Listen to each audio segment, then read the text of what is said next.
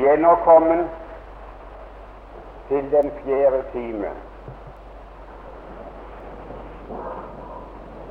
I går så gikk tiden fullstendig ifra meg. Så jeg gikk ifra halvparten av det som jeg da hadde regnet med å få sagt. Hvordan det gikk for seg, det er jeg ikke ennå klar over. Og da tenkte jeg at jeg skulle fortsette i dag med det som da sto igjen. Men uh, jo mer jeg har sett på det og tenkt på det nå i dag morges, at la det være.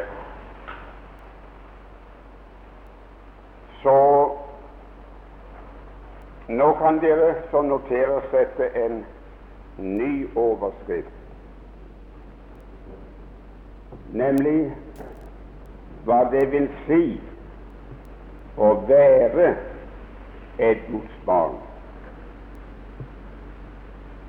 Nå får vi altså gå ut fra at enhver av oss som sitter her, vet og er klar over at vi er et Guds barn. Men hva vil det da egentlig i dypeste forstand si å være barn av Gud i himmelen. Det var fire gutter som var ute og lekte sammen.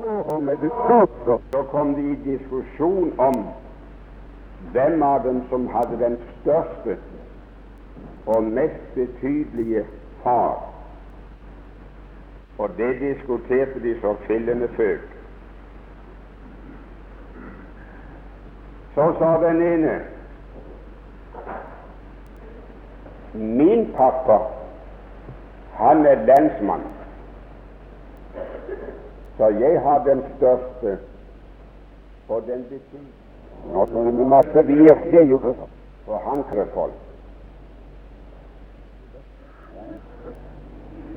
Han er statsadvokat og han har langt mer å si enn en lensmann.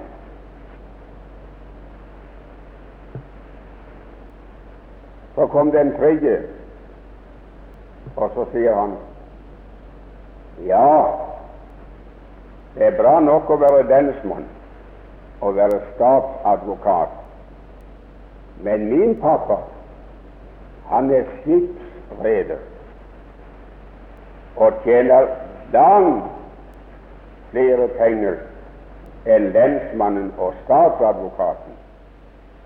Så han kan kjøpe akkurat hva han vil, og jeg kan få akkurat det jeg behøver. Så det var det beste. Men så kom den fjerde, så sa han nei. Det er nok meg som har den beste og den betydeligste pappaen. Du, din pappa er jo ikke noen ting. Jo, det er nettopp det han er. Min pappa, han er Guds barn. Og det er større enn å være lensmann og statsadvokat og skipsreder. Ja, ja, det kan hende det var barnslig, men allikevel så tror jeg den gutten forsto litt mer av hva det vil si å være Guds barn, enn mange av oss gjør. For mange av oss folk er det blitt så dagligdags, så selvsagt, nesten vanemessig, å si at det er Guds barn, at glansen er gått av det. Det, det griper ikke. Det begeistrer oss ikke lenger. Herligheten og storheten i det der, det tenker vi nesten ikke på. Vi legger ikke mer i det når vi sier vi er Guds barn, enn det vi vanligvis tenker på når vi sier at 'jeg er frelst'. Men det betyr langt, langt meget mer. Jeg tenker denne sanger, så hadde jeg kommet til å synge den ofte. Det er jo noe å være barn av Gud, den evige Fader. Han som aldri forlater sine. Det er noe Nå skal ingen av dere vente at jeg i denne timen skal kunne si dere alt hva det betyr, og alt hva det vil si.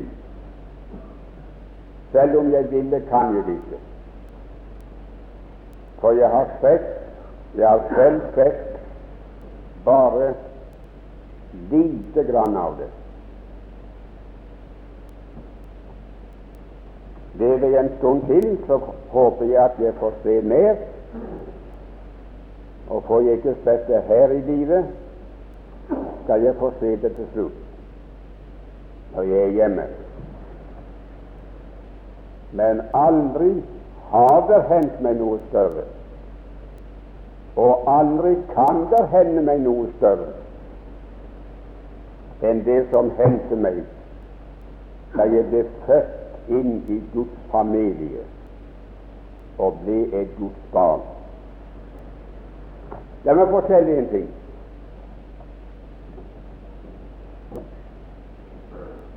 De kjenner alle sammen navnet Spurgeon, han som er kalt for predikantenes konge,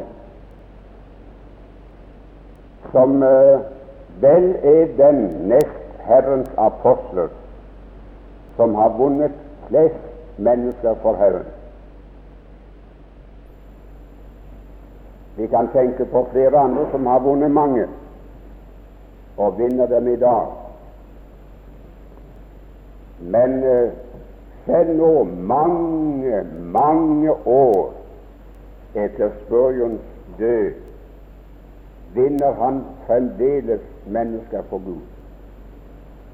Hans prekener som han holdt, de blir stenografert, trykt og spredt over den ganske verden, den engelsktalende verden. Og de trykkes opp igjen ustanselig i nye opplag. Og folk leser dem i dag som de leste dem da han levde. Vekkes og frelses og hjelpes. Nå vel. En dag så kom der en svenske på forretningsreise til London. Han kjente meget til av omtale, men hadde aldri hatt anledning å høre ham og se ham.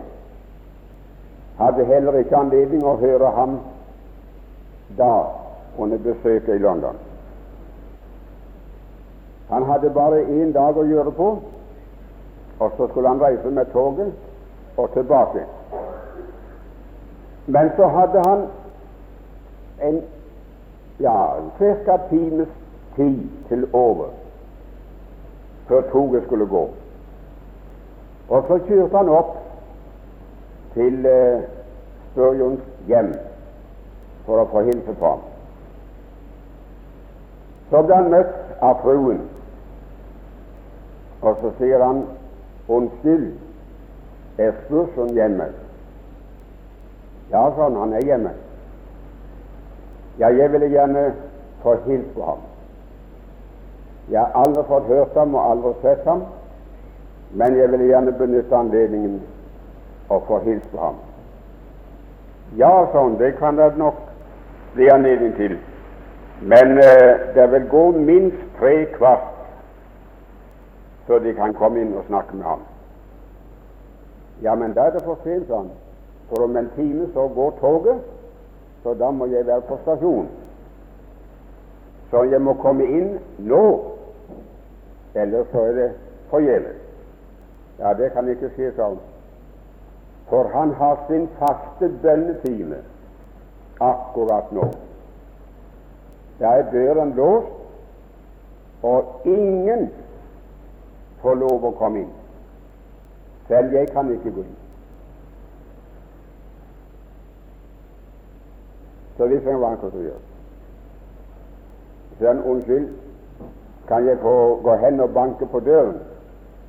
Ja, det kan du nok få gjøre, sa han. Men uh, de slipper ikke inn. Han kom ikke til å svare dem engang.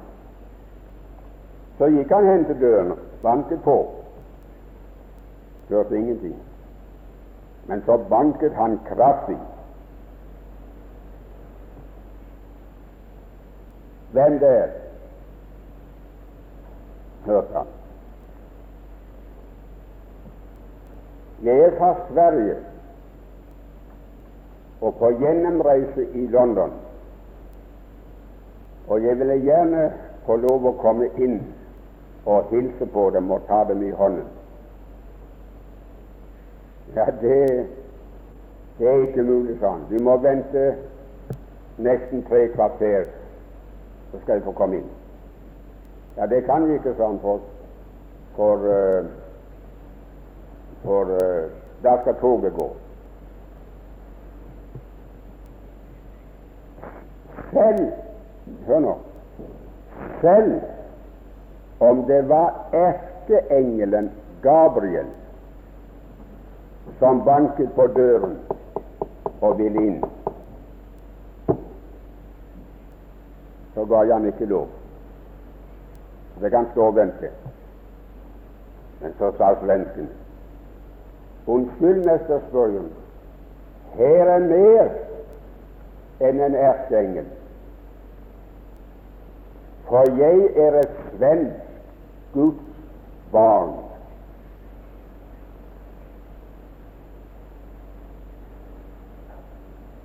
Å, sa mesterstolen, det forandrer jo hele saken. Så lukket han opp døren. Både svensken og Spørjon forsto storheten i og verdigheten av å være et barn av Gud.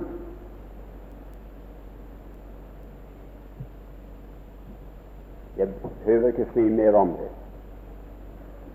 Men så stort tenker ikke vi, verken om oss selv eller andre, når vi snakker om at vi er Guds barn. Men det er hva vi burde gjøre. Nå, det første jeg vil si med hensyn til det å være Guds barn, er dette at er du et Guds barn, er du født på ny, og i kraft av det er et Guds barn, da er du et menneske som er i slekt med Gud. Nå skal de ikke be meg å preke om det i dag. Det kunne jeg nok ha lyst til, men av visse grunner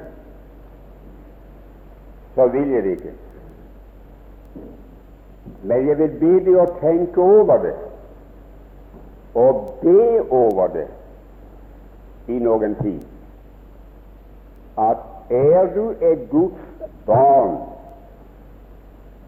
da er du i slekt med Gud. Det Er du ikke bare et menneske som Gud har tilgitt dine synder, et menneske som Han holder av, og som han tar seg av. Han gjør det, men du er i slekt med ham.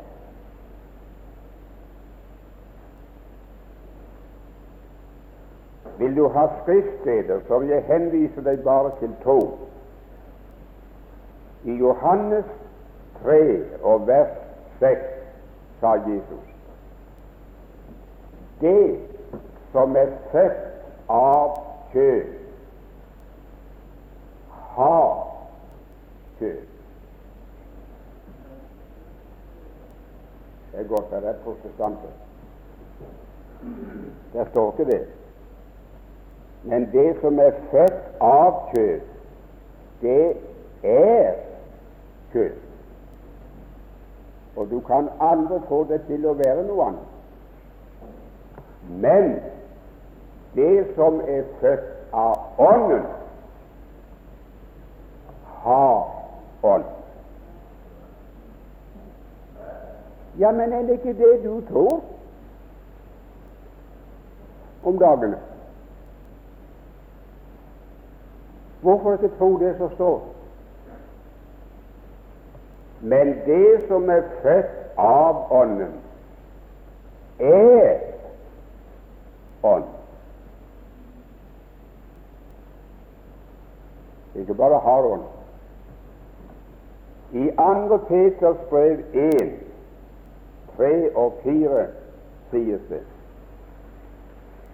at Gud har gitt oss de største og dyreste løfter for at vi ved disse skulle ha del i guddommelig natur.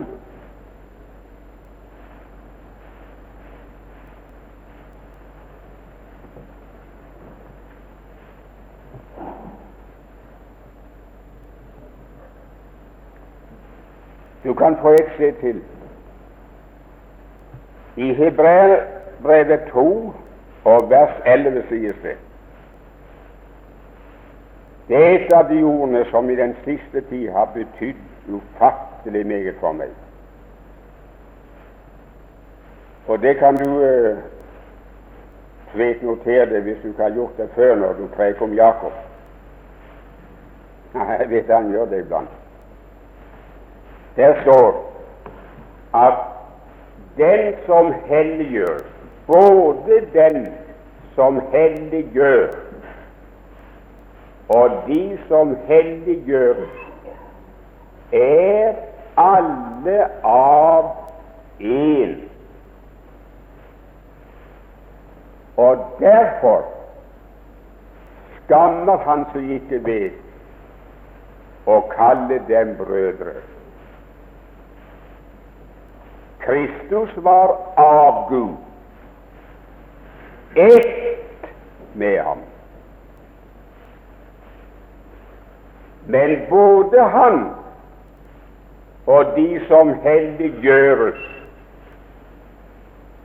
Du og jeg er noen av dem.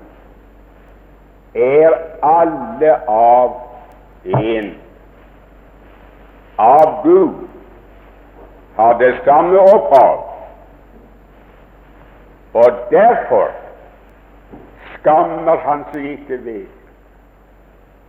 å kalle dem brødre.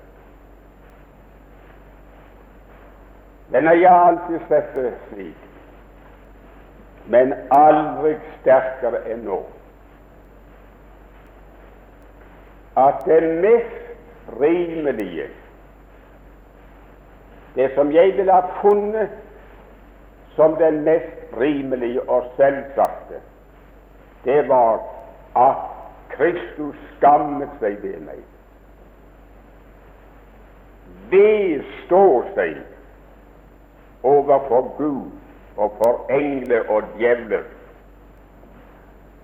at jeg er hans bror.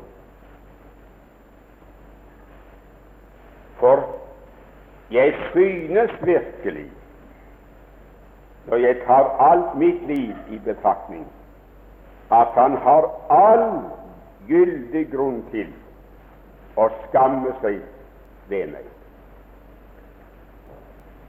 Og jeg skammer meg ofte ved meg selv.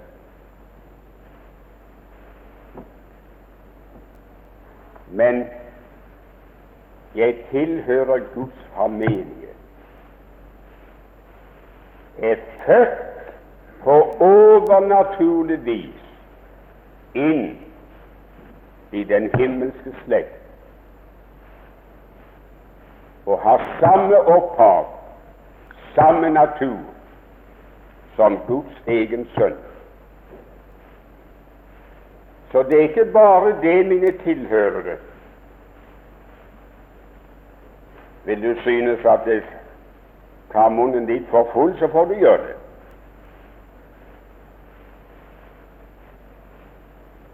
Når jeg er så gammel, det gjør meg ikke stor, hva de forteller om meg bak ryggen.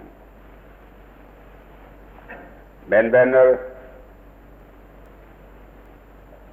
jeg er løftet så høyt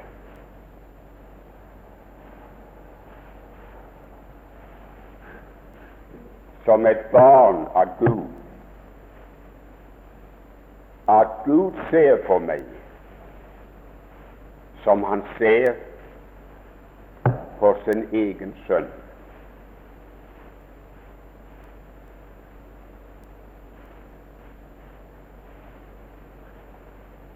Men da ser han ikke på meg slik som jeg står her. Men han ser meg som en ny skapning, et gjenfødt menneske, født inn i og født av den siste stamfader.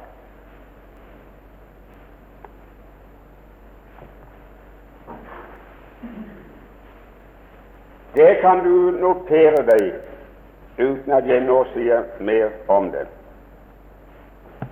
Hva det står i Johannes 13 og vers 1.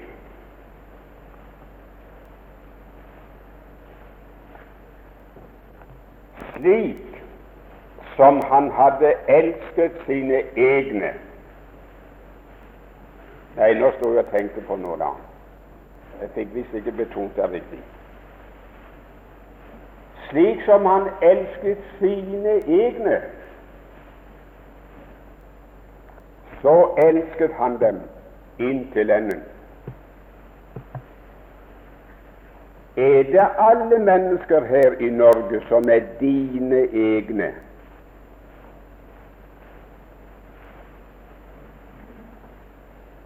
Jeg kjenner mange folk i landet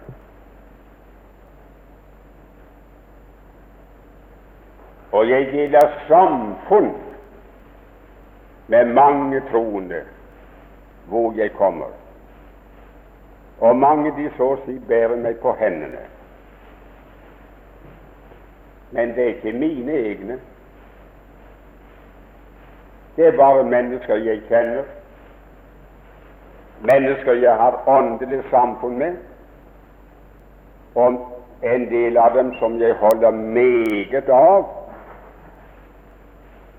Men det kunne aldri falle meg inn å anse dem for å nevne dem som mine egne. Men det bor noen nede i Åkrehavn. De er ikke mange. De kaller jeg mine egne og det i særdeleshet de tre barna våre. To av dem hadde sett her under kurset. Når jeg ser på den eldste, ser på den mellomste og ser på den yngste, han som prekte her om kvelden, så tenker jeg det er mine egne. og både deres mor og jeg omtaler dem og tenker på dem og handle med dem som våre egne. Og det er ingen mulighet for at noe annet menneske i landet vårt kan komme i det forhold til oss som familien, de som er i slekt med oss på grunn av fødsel. Og når Herren ser ned fra himmelen, godt folk, i denne verden, i vårt land, her på Karmøy, så ser han, og så finnes det en flokk om hvem han sier det, om hvem han bekjenner for sin Fader. De der er mine egne.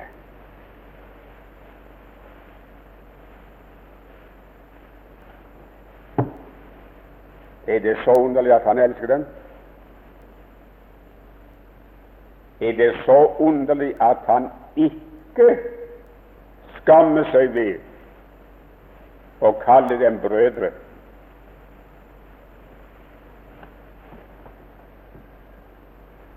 Som jeg sa, jeg preker ikke om det mer. Dette er ikke en prek om det jeg nå har lest og sagt. Det er bare en hentydning til det. Og med den hentydningen mener jeg å få kalle oppmerksomheten til det. Men be når du over det, og tenk over det, at du er født inn i Guds familie, er ånd og har del i guddommelig natur og er en av hans egne. Så begynner du å forstå litt av hva det vil si å være et Guds barn.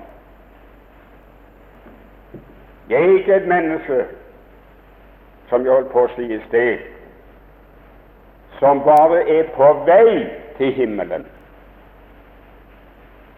Jeg er det. Men jeg er ikke bare på vei til himmelen. Der vil jeg være smått stell med min tålmodighet. Men jeg er et menneskegodt folk som hører himmelen til. Jeg er et lem, et medlem av den himmelske familie. Storparten av familien de er kommet hjem. Jeg kommer snart etter. Men jeg skal hjem. Hjem! Ikke på et pensjonat. Ikke på et fint, flott hotell. Men jeg skal hjem. Jeg er født ovenifra. Og der er mitt hjem. Der hører jeg til. Og aldri har jeg steget over en dørterskel og vær så velkommen. Og bli hilst så velkommen. Som jeg skal bli det. Det vidunderlige øyeblikk. Når min ånd farer herfra. Og kommer innenfor. vi, vi synger. Ja, disse, disse sangene de blir så mishandlet når de reviderer dem. I den der sangen 'Klipper du så brast for meg', der har noen revidert et vers slik at det lyder så Og nå til ukjent land jeg går, og jeg for din trone står, videre. Jeg synger det aldri. Jeg gjorde det en gang, men ikke etter jeg ble klar over hva det vil si å være et Guds barn. Men nå synger jeg når til velkjent land jeg går. og jeg for din domstol står, ikke for din trone. Venner, jeg går hjem. Og som her var nevnt en dag, der skal jeg føle meg hjemme.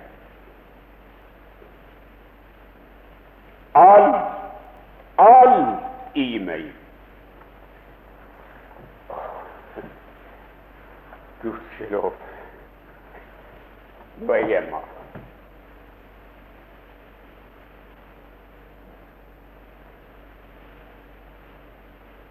Her er jeg velkjent.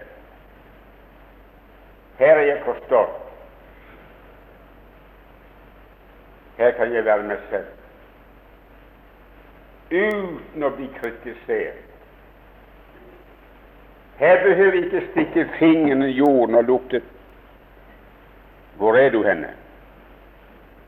Det må jeg gjøre på alle reiser jeg kommer inn i nye hjem. De er troende, ja, jo da visst er de troende, men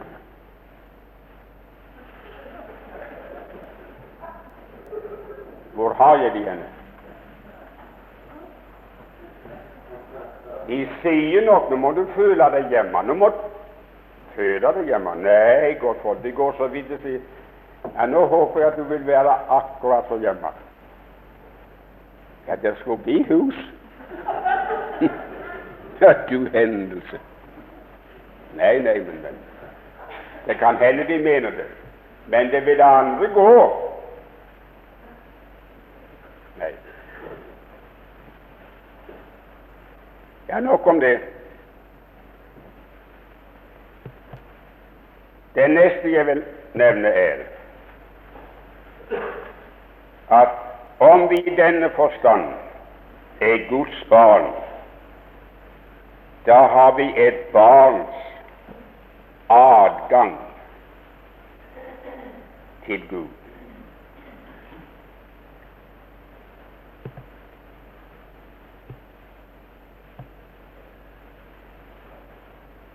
Vi fikk jo ikke trelldommen sånn, leser vi her om dagen fra Romerbrevet 8,15, så vi atter skulle frykte.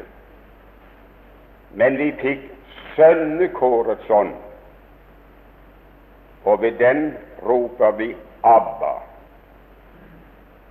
Venn oss til den tre ganger hellige, suverene Gud på himmelens trone og kalle ham Far.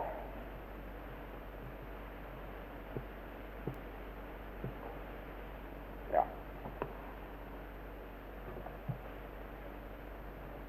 Og i Galaterbrevet 6 Nei, Nei. Fire, Galatene fire, seks. Der står det fordi dere er sønner, har Gud sendt sin Sønns ånd i våre hjerter, som roper Abba. Fader. Det kunne prekes svært meget om det, men jeg kommer til at ingen kan si sannheten om det der bedre enn Brorson har uttrykt det i den salmen. Og hvilken ære Og hvilken ære har du tenkt det?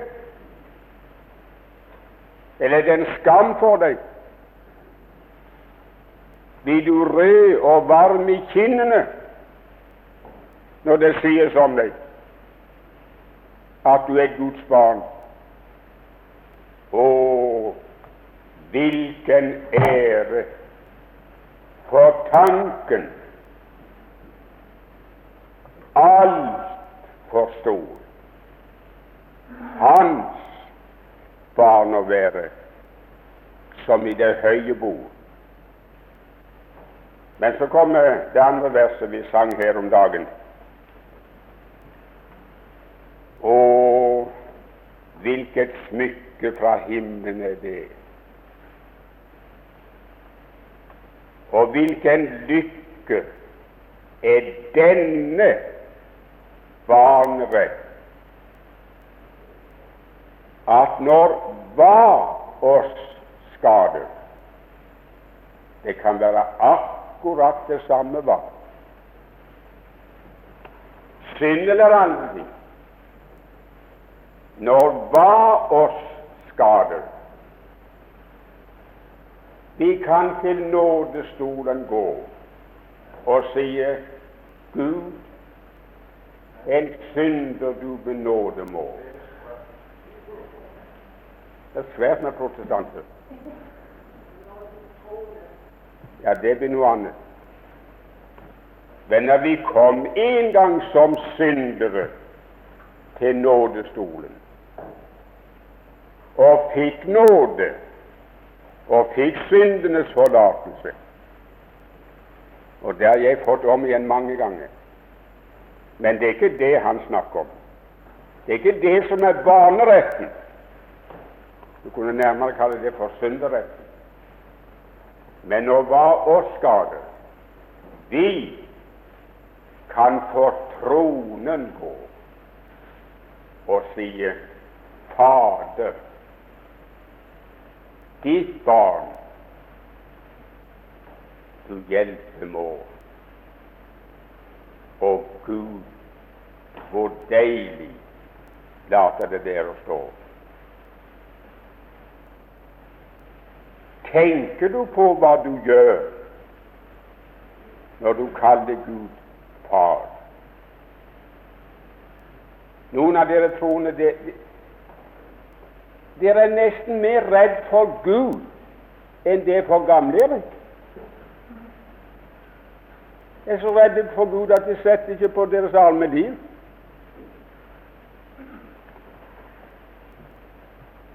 Og så tenker du det at du har uh, denne velsigna, snille Jesus som sitter i himmelen og, og, og så snakker godt i øret på Gud og sier 'Å, er Guds Fader, du, du, du må ikke stryke ut navnet, du må ikke sende dem til helvete'. Akkurat som det første Gud pønser på og passer på. Det var en anledning å få stryke navnet og sende dem til helvete. Men så slipper han ikke til. For Jesus han, han, han kom i veien for. Som Hope sa, når vi var mange bruker Gud på samme måten som vi guttunger brukte hjørnene på husene når vi sprang omkring om kvelden og gjorde vondt, og terga opp gamlingen så han kom ut med staven og skulle gi oss en omgang. Der kom det så velsigna vel med at huset ikke var flatt og ikke rundt, men det var hjørner. Så når gamlingen kom med stokken, så sprang vi bak det ene hjørnet, og så hørte vi stokken smalt i veggen. Han traff ikke. Og så var vi bak neste hjørne, og så traff han oss ikke der heller. Og så holdt vi det gående slik de gamle var så trett han måtte gå inn. Slik med mange av dere troende sånn. Det er så redde Gud at de springer for livet og gjemmer dere bak ryggen av Jesus. Og så slipper ikke Gud til. Og så spurte han Segg meg, godt folk, hva slags forsoningslære er det dere har? Har det to guder? En som er vond, og en som er nådig. Jesus han sa 'Jeg og Faderen, vi er ett'. Vi kan for tronen gå og si 'Fader, ditt barn, du hjelpe må'. Så nevner jeg som det tredje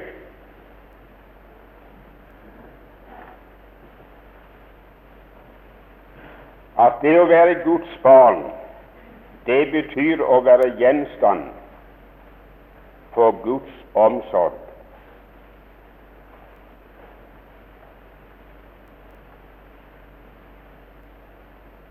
Og for Guds forsørgelse. Har noen av oss tatt ansvar for å sette barn inn i denne verden, så har vi dermed, enten bevisst eller ubevisst, tatt ansvaret for å forsørge dem i denne verden.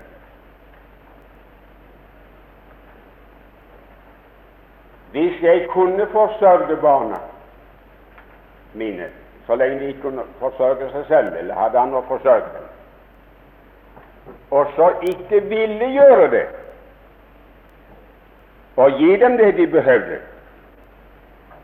hva så? Så har vi en plass nede på Jæren som heter Oppstad. Straffanstalten. Så har de fått plass for meg der. Jeg har ansvar, ja, plikt til å forsørge de barn jeg har satt inn i denne verden. Tror du venner Gud er en dårligere far? At han skulle ha født barn inn i denne verden, i en vond, farlig verden, hvor de er som får mellom ulver, og så har han intet ansvar for det. deres forsørgelse og oppholdelse, det interesserer ham ikke. Kan du tenke deg det?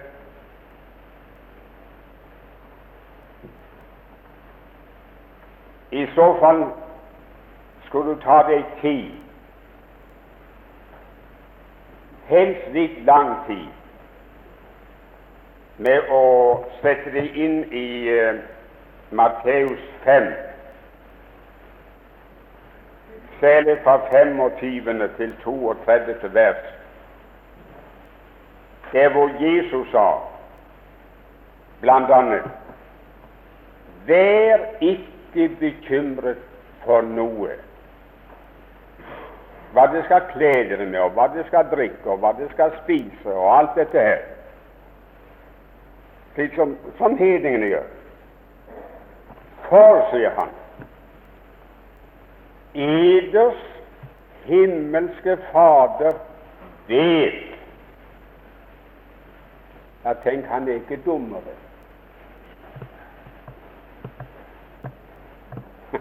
Han er ikke dummere enn at han vet det. Men det, det, det er da forferdelig godt folk at det skal være nødvendig for Jesus og fortelle oss at Gud vet noen ting. Det skulle da være en selvsagt ting. Eders himmelske Fader vet at dere trenger til alt dette. Punktum. Det er nok det når han vet det. Jeg må visst ta et lite familiært forhold. Barna de er så ulike. Det var våre også. Og somme de hadde jeg interesse av hjemme, og så sette de på prøve når de var små. Så kom den mellomste. Hun datteren som har vært på kurs her jeg ikke kommet ennå. Jeg bor i Haugesund. Jeg har fortalt det før, så har jeg hørt det. Så kom hun og ba meg om noe. Noe som hun absolutt måtte ha. Det gjaldt noe med hensyn til klær. Så sa jeg nei. Det kan du ikke få. Ja, men pappa skal ha det. det er en avtale, men du får det ikke.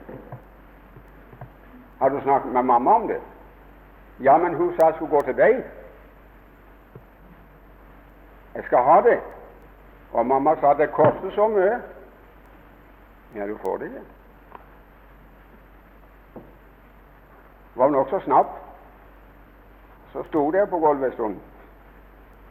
Så så vi opp i ansiktet. Jeg glemmer det aldri. Så ikke sint.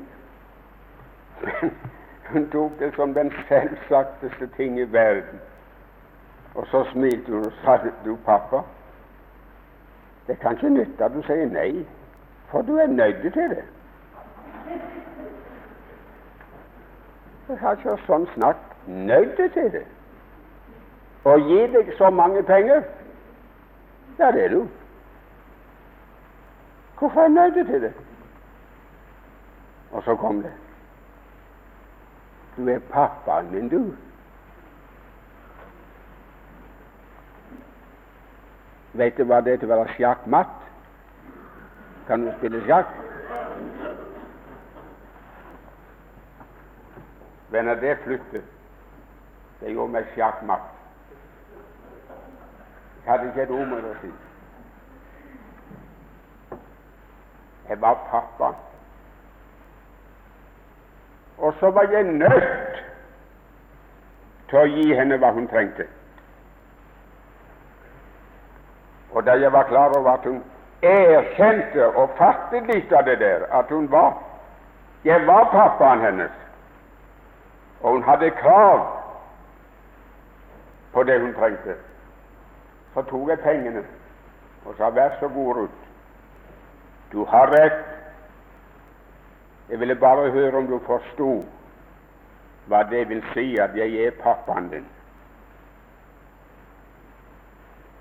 Og så skulle jeg ha en Fader i himmelen. Og så ikke regne med både at han vet hva jeg trenger, og ikke kan nekte meg det jeg trenger for å komme hjem. Folk, vi kaller oss kristne, men vi må skamme oss over den tro og den tillit vi har til Gud. Vi kan for tronen gå og si, Fader, ditt barn, du hjelpe må. Du er nødt til det, pappa. Du må, for du er pappaen min, du. Hva meget har sagt om det? Men er tiden gått? Og du får stoppe det. Men dere er nødt til å måtte fortsette i neste time. Ja, det er over tid.